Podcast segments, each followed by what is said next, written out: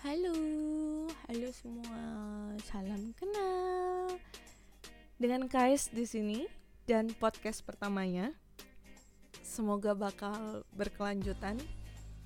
Karena di episode ini, episode pertama, mau kenalan dulu. Hai. Kais. ini background musiknya kalau buat K-popers pasti bakal tahu lagunya Pentagon. Stand Pentagon Universe. Yes I'm a epic fans of K-pop K adat gitu ya ngomongnya semoga nggak salah. Nggak salah juga biarin aja. Manusia tempatnya salah bo. Jadi di podcast ini bakal ceritain pengalaman-pengalaman pengalaman-pengalaman gue. Gimana rasanya jadi K-pop fans yang udah gue udah berapa tahun ya suka Korea? Dari tahun 2006 kalau nggak salah. 2006 sekarang 2019 wow 13 tahun. Ya 13 no you do the math. Yes 13 tahun. Perkembangannya gimana sekarang? Sekarang masih gila juga enggak sekarang masih beli album juga atau enggak atau sekarang malah lebih gila daripada zaman muda dulu ya. Banyak banget yang pengen gue ceritain mulai dari pengalaman gue datang konser pengalaman gue ketemu langsung sama ini mas-mas pujaan gue. Pengalaman gue tentang gue cabut dari kerjaan resign cuman buat tinggal di Korea satu bulan itu bakal gue ceritain di podcast ini tapi mungkin akan terbagi di beberapa episode. Untuk episode yang sekarang latihan dulu. Latihan ngomong asli gue tuh nggak bisa ngomong nggak uh, bisa ngomong lancar. Jadi kalau ngomong itu mulutnya belibet belibet kayak apa ya rapnya rapnya Haon. Aduh sorry banget ya nggak ngerti Koreaan. Ini bakal sangat relate ke hal-hal Korea karena memang gue tiap hari dengerin lagu Korea gue lihat beritanya juga berita Korea. Bener-bener buta banget sama dunia internasional. Jadi kalau ditanyain eh lo tahu nggak sekarang Halsey itu pacarnya siapa? Hah? Oke. Okay.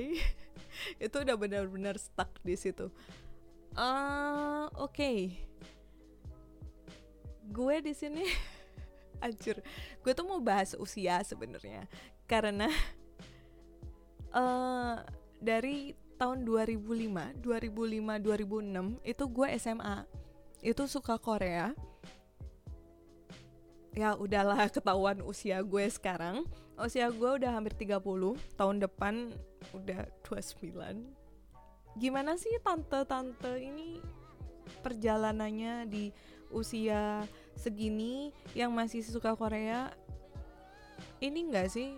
Kekejar enggak sih sama updatean dunia Korea yang sekarang? Apalagi buat teman-teman yang mungkin dulu ngefansnya kayak Big Bang kayak gitu. Ah Super Junior. Super Junior itu kan udah lo lihat Siwon deh sekarang. Udah om-om banget udah kayak lo foto sama Siwon udah lo kayak foto sama bos lo. Mungkin bos lo lebih muda dari Siwon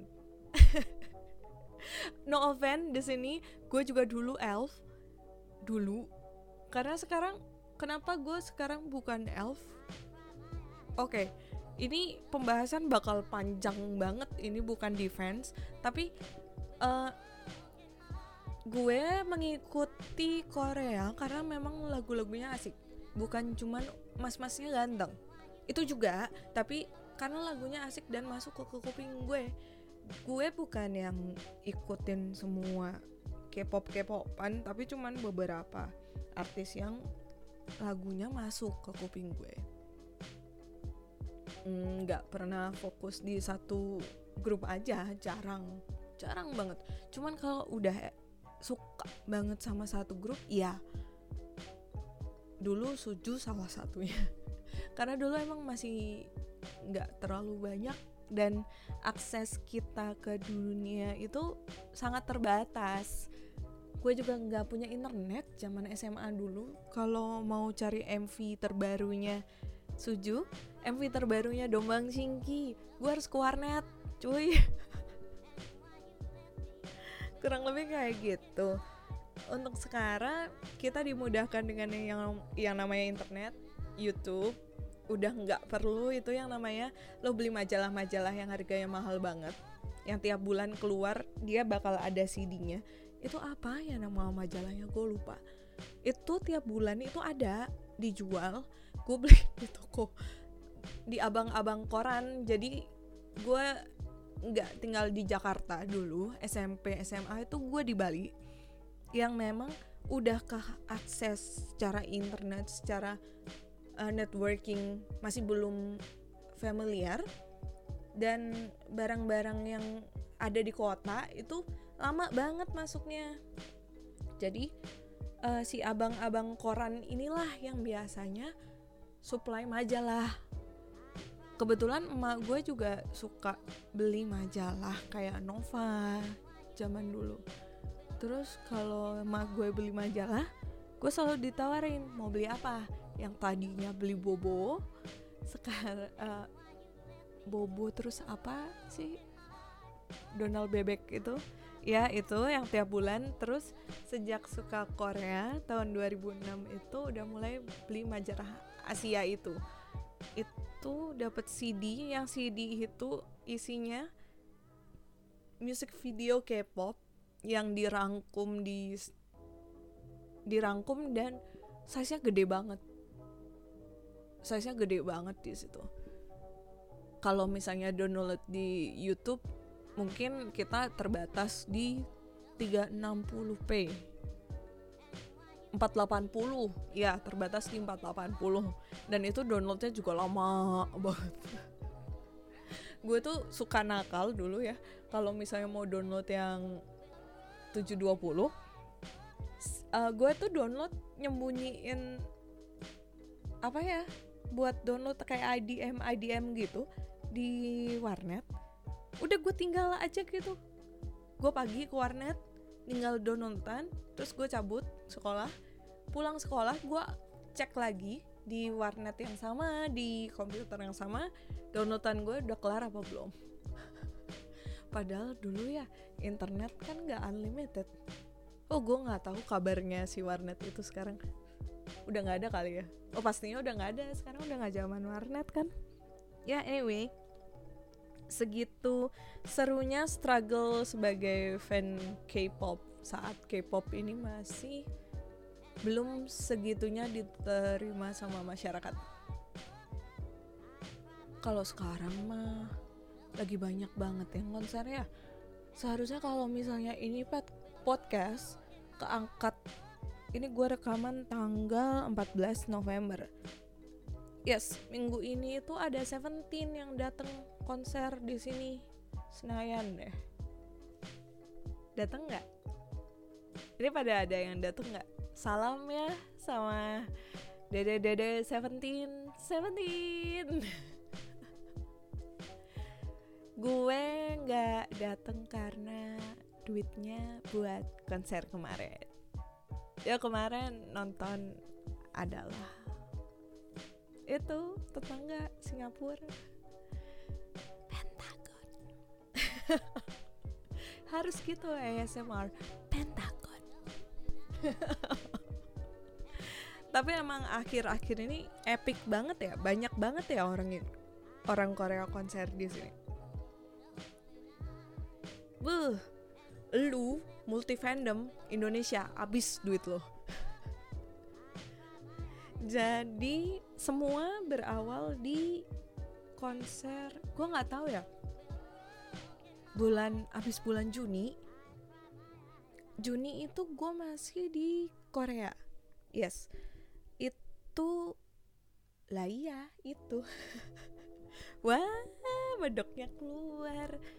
Bulan Oktober kemarin itu ada satu minggu satu weekend yang di mana Jakarta ada tiga tempat. Itu tiga-tiganya ada tempat konser. No it's actually four empat ada Pentagon di Kokas terus eh empat ya? Gue lupa. Di BSK itu konser juga nggak sih? Gue lupa konsernya ke hari apa itu. Hmm, ada Asian Sound Syndicate. Di situ ada Bobby ada Dean ada oh Dean? No DPR Live. Ada DPR Live ada Simon Dominic ada Crush ada Grey. Ada Raven Girl. Lokal gitu. Ya rapper Indonesia. Terus di seberangnya si Asian Sound Syndicate ada Monster X. Waktu itu sama siapa ya? V-Live sama mamamu gitu yep anyway. Gue udah beli tiket buat Asian Sound Syndicate udah ngomporin teman-teman gue buat datang bareng-bareng. Gue udah ngumpulin sekitar empat orang. Wih gila banyak banget empat orang. Segitunya nggak punya temen. Itu ya sampai ke titik sebelum Bobby di announce sebagai salah satu line up ya begitu terakhir uh, ternyata mereka ngajakin Bobby give up gue. Gue nggak mau nonton asli. Bukannya nggak suka Bobby tapi gue nggak suka rame. Uh waktu nonton BTS itu rasanya tidak nafas ya Robun. Banyak banget orang gue kebayang ya konik-konik di Indonesia tuh banyak banget. Jadi uh, itu light sticknya si icon ini kan lo kalau coba coba deh buka Shopee ada satu penjual di Shopee itu jualan light stick icon judulnya tongkat Bobby Bobby gue masih ketawa nah gue tuh nggak bisa bayangin itu konser hip hop jadi rame banget sama gengnya si tongkat Bobby Bobby ini. Ya oke okay lah. Gue suka Bobby. Gue suka Icon. Bahkan sebelum Icon ini debut si Bobby kan menang Xiaomi Temani gue ngikutin ngikutin Xiaomi Temani banget. Ya begitulah tapi gue nggak kuat sebagai manusia introvert parah. Gue nggak bisa tuh ngelihat orang rame banget. Itu pusing banget dan gue kebanyakan keseringan cabut kalau udah lihat orang banyak. Tuh gue lihat kokas aja ngeri banget kok. Rame orangnya cuy. Lalu gue buka tiket.com ngeliat ah konsernya Pentagon masih ada nih. Dapat high touch.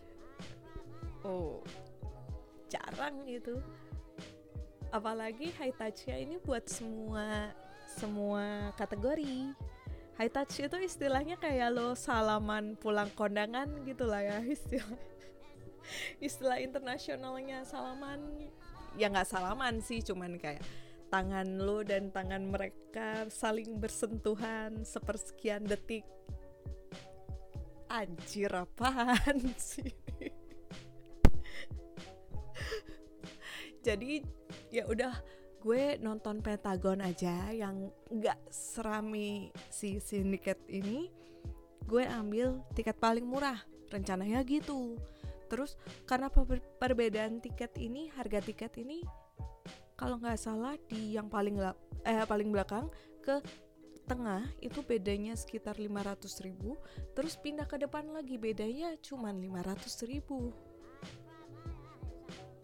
Akhirnya ngambil paling depan lah itu. Itu gua baru seminggu ngikutin pentagon pentagonan ini gara-gara ya adalah satu membernya.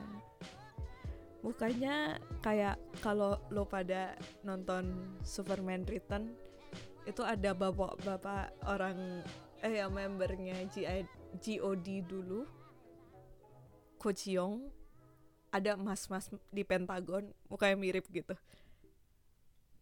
Eh uh, jadi begitulah akhirnya gue nonton Pentagon dari dekat. Yang mau lihat di situ tuh sebenarnya nggak boleh ngerekam. Ya gue aja bandel.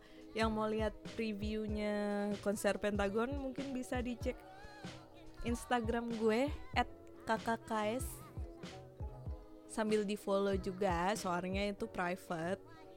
Sengaja dibikin private biar tahu yang ngefollow siapa orangnya gitu ya. Sumbung banget. Ya di situ cukup banyak sih. Karena posisi gue cukup deket gue cuman lima baris dari depan. Bu betah pokoknya ngeliatin si Yuto. Yuto oke okay. pindah. Fokus. Oke okay.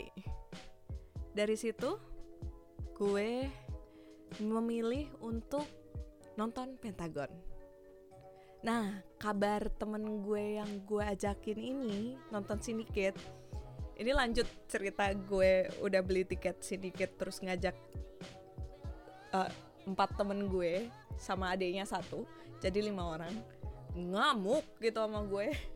Gimana sih lo udah ngajakin gue nonton, gue beli tiket beli sendiri, terus lo cabut nonton konser lain. Sumpah nggak tahu diri. Mana yang satunya temen gue dari Palangkaraya lagi. Anjir sumpah nggak tahu diri gue. Tapi tiket sindiket itu nggak gue jual. Gue pikir uh, ini konser Pentagon mulainya dari siang sampai sekitar jam 8 jam 9 gue masih bisa ngejar si sindiket ini karena konsernya Syndicate ini sampai sekitar jam 11 ya jam 11an lah. Gue masih bisa ngejar beberapa performernya yang emang bener aja waktu gue pulang dari Pentagon gue masih bisa ngejar konser Syndicate konsernya Monster X udah habis udah kelar. Eh, nggak bisa nonton juga itu tiket nggak bisa dibeli. Dia cuman buat pemenang undian V Live gitulah. Uh, itu gue masih bisa nonton di Syndicate itu masih bisa lihat Crush masih bisa lihat siapa ya? Oh Grey. Grey terus Samdi. Yang gue nggak nonton itu di PR Live sama Bobby nah jam segitu ikonik udah pulang karena Bobbynya udah selesai tampil. Isinya tinggal anak-anak hip hop asli. Itu gila. Uh, gue nonton Grey dengan posisi gue masih mabok, tangan gue masih gemetar gara-gara habis megang tangannya Yuto. Itu yang gue bilang high touch salaman keluar kelar konser Pentagon. Itu yang jangan pegang tangan gue. Tangan gue bekas keringet ya bocah-bocah. Alay anjir. Ya ya makanya kayak masih belum dalam posisi sadar betul gue lagi nonton Grey. Di situ gue lagi nonton Crush. Padahal ganteng banget Crush di situ. Itu gue masih teringat Jojino gue masih ingat Hongsok gue masih ingat Usok. Gue gue sambil ngeliatin poster. Jadi sebelahnya Gino itu posisinya di hashtag hashtag hui. Gue mau bilang hui itu kayak contemplated gitu. Bilang nggak ya? Bilang nggak ya? Suka ini orangnya pilih kasih. Masih keinget appsnya Yowon. Masih keinget ih gila. Si Mangni Line tinggi banget. Kayak pemain basket usok raksasa anjir. Buh. Buh raksasa banget usok. Yuto juga tinggi tapi karena usok over tinggi gue nggak dapet kayak ini orang tinggi gede banget. Enggak karena udah terlanjur amazed sama tingginya Usok. Shinon itu tuh tinggi banget. Tinggi juga sama Yuto itu hampir sama terus yang tingginya oke okay lah ya 178 180-an itu ada Hongsok ada Yowon Kinu Kinu oh my god Kinu itu ekspresinya waktu high touch gak bisa lupa sih gue. Senyumnya manis banget Kino uh, head tag sama Gino ternyata pendek. Posisi gue gue tingginya 155 gue ngerasa gue sama tag itu tingginya sama. Dan Gino kayaknya sih lebih pendek dari gue. Gue positif Gino lebih pendek dari gue. But anyway they're Pentagon they're they're very talented. Buat kalian yang Ih, gila kasihan Bo. Ini orang-orangnya orang-orangnya tuh pada bisa nyanyi bisa mereka tuh asli boyband K-pop. Jarang banget yang bisa akapela har harmonizing satu grup itu jarang. Dan mereka adalah salah satu yang semuanya bisa nyanyi bahkan yang jarang dapat part pun sebenarnya bisa nyanyi. Like please stand them. Mereka keren banget. Fix. Ini gue jadi promosi Pentagon ya di sini.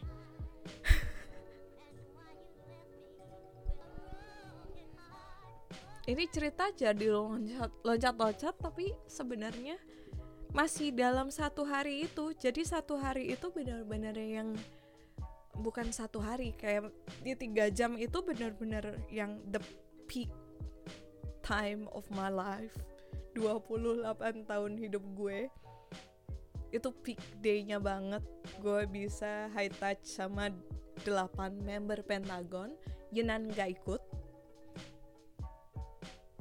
Dan malamnya ditutup dengan performance dari Crush, performance dari Grey, performance dari Samdi yang ternyata si Samdi juga nyanyi lagunya Show Me The Money. Dia sempat jadi produsernya Show Me The Money juga. Sama Grey kayak Hapjong performance. Ah, uh, performance bareng it was nice. Eh, uh, ada satu part di Syndicate yang emang gua kaget ternyata K-pop di Indonesia ini sudah bukan K-pop ya. Kalau di Syndicate itu masuknya K-pop. Walaupun ada Bobby di situ. Bobby di situ bukan sebagai member Icon, tapi sebagai pentolannya Show Me The Money 3. Iya, kayak gitu. Jadi di situ ada papan di mana kita bisa nempelin artis siapa yang mau diundang ke Syndicate 2. Wow. Itu gue baca isinya nama-nama yang emang cuman orang insa kayak hip hop aja yang tahu. Insa itu orang apa ya orang internal bukan orang outsider apa sih ya bahasa Indonesia susah nyebutnya ya itu di papan itu nama-nama yang keluar itu mulai dari Minsik, Haon, Nafla. Oh my god, kayak yang ternyata udah bukan hal eksklusif lagi lo suka hip hop Korea di Indonesia, di Jakarta. Itu tuh bikin gila happy banget, happy banget cuy ternyata kayak hip hop udah segini ya diterima, kemungkinan besar gue juga masih bisa berharap si abang-abang ini bisa datang untuk konser di sini. Gue masih inget zaman gue tahun lalu nonton DBR live, doi konser SCBD cuy. Apa ya nama tempat konsernya? Live Aid. Ya itu, itu tempat konser kecil banget. Aduh sedih pokoknya. Udah udah nggak ada layarnya. Tapi emang feelnya konser itu orang-orang yang datang itu memang banyak eh, memang mereka pada tahu lagunya si Dabin. Jadi emang eh, ini banyak banget emang ya. Jadi si Dabin mah seneng aja nyanyi banyak orang ngikutin ada DJ Dakyu juga. DJ Dakyu drop the beat. Yo. Uh, dia dia muterin lagu Good Day kesukaan gue. Raja para nana koi boy nambam ya itulah. Dan memang memang benar-benar udah mulai kebuka kali ya pasarnya ini dua minggu lagi dua minggu lagi. No it's actually next week.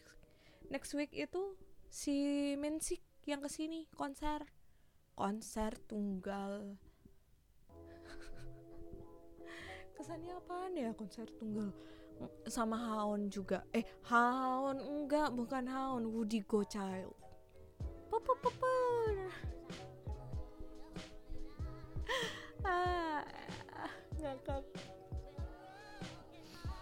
ya gue happy banget happy banget semoga geng Illionaire segera konser di Indonesia Ambition Oh my god Changmu Changmu 사랑해 Changmu야 uh, Benzino juga kalian ditunggu loh men di Indonesia banyak banget banyak banget fans lo? Masa sih kayak aja ke Indonesia? Kalian kapan? Om The Quiet. Doki. AOMG of course. Park Jae-bom Nim. Samdi udah ke sini. Wonje yang belum. Kokun belum. Grey udah Siapa lagi ya? Gila banyak banget. Oh BY Gue menunggu BY Make It Rain juga. Flakes Flakes Nafla Lupi. Oh Lupi. Lupi Kalau datang ke Indonesia please Please please please Lo duet sama yang Lex. Please banget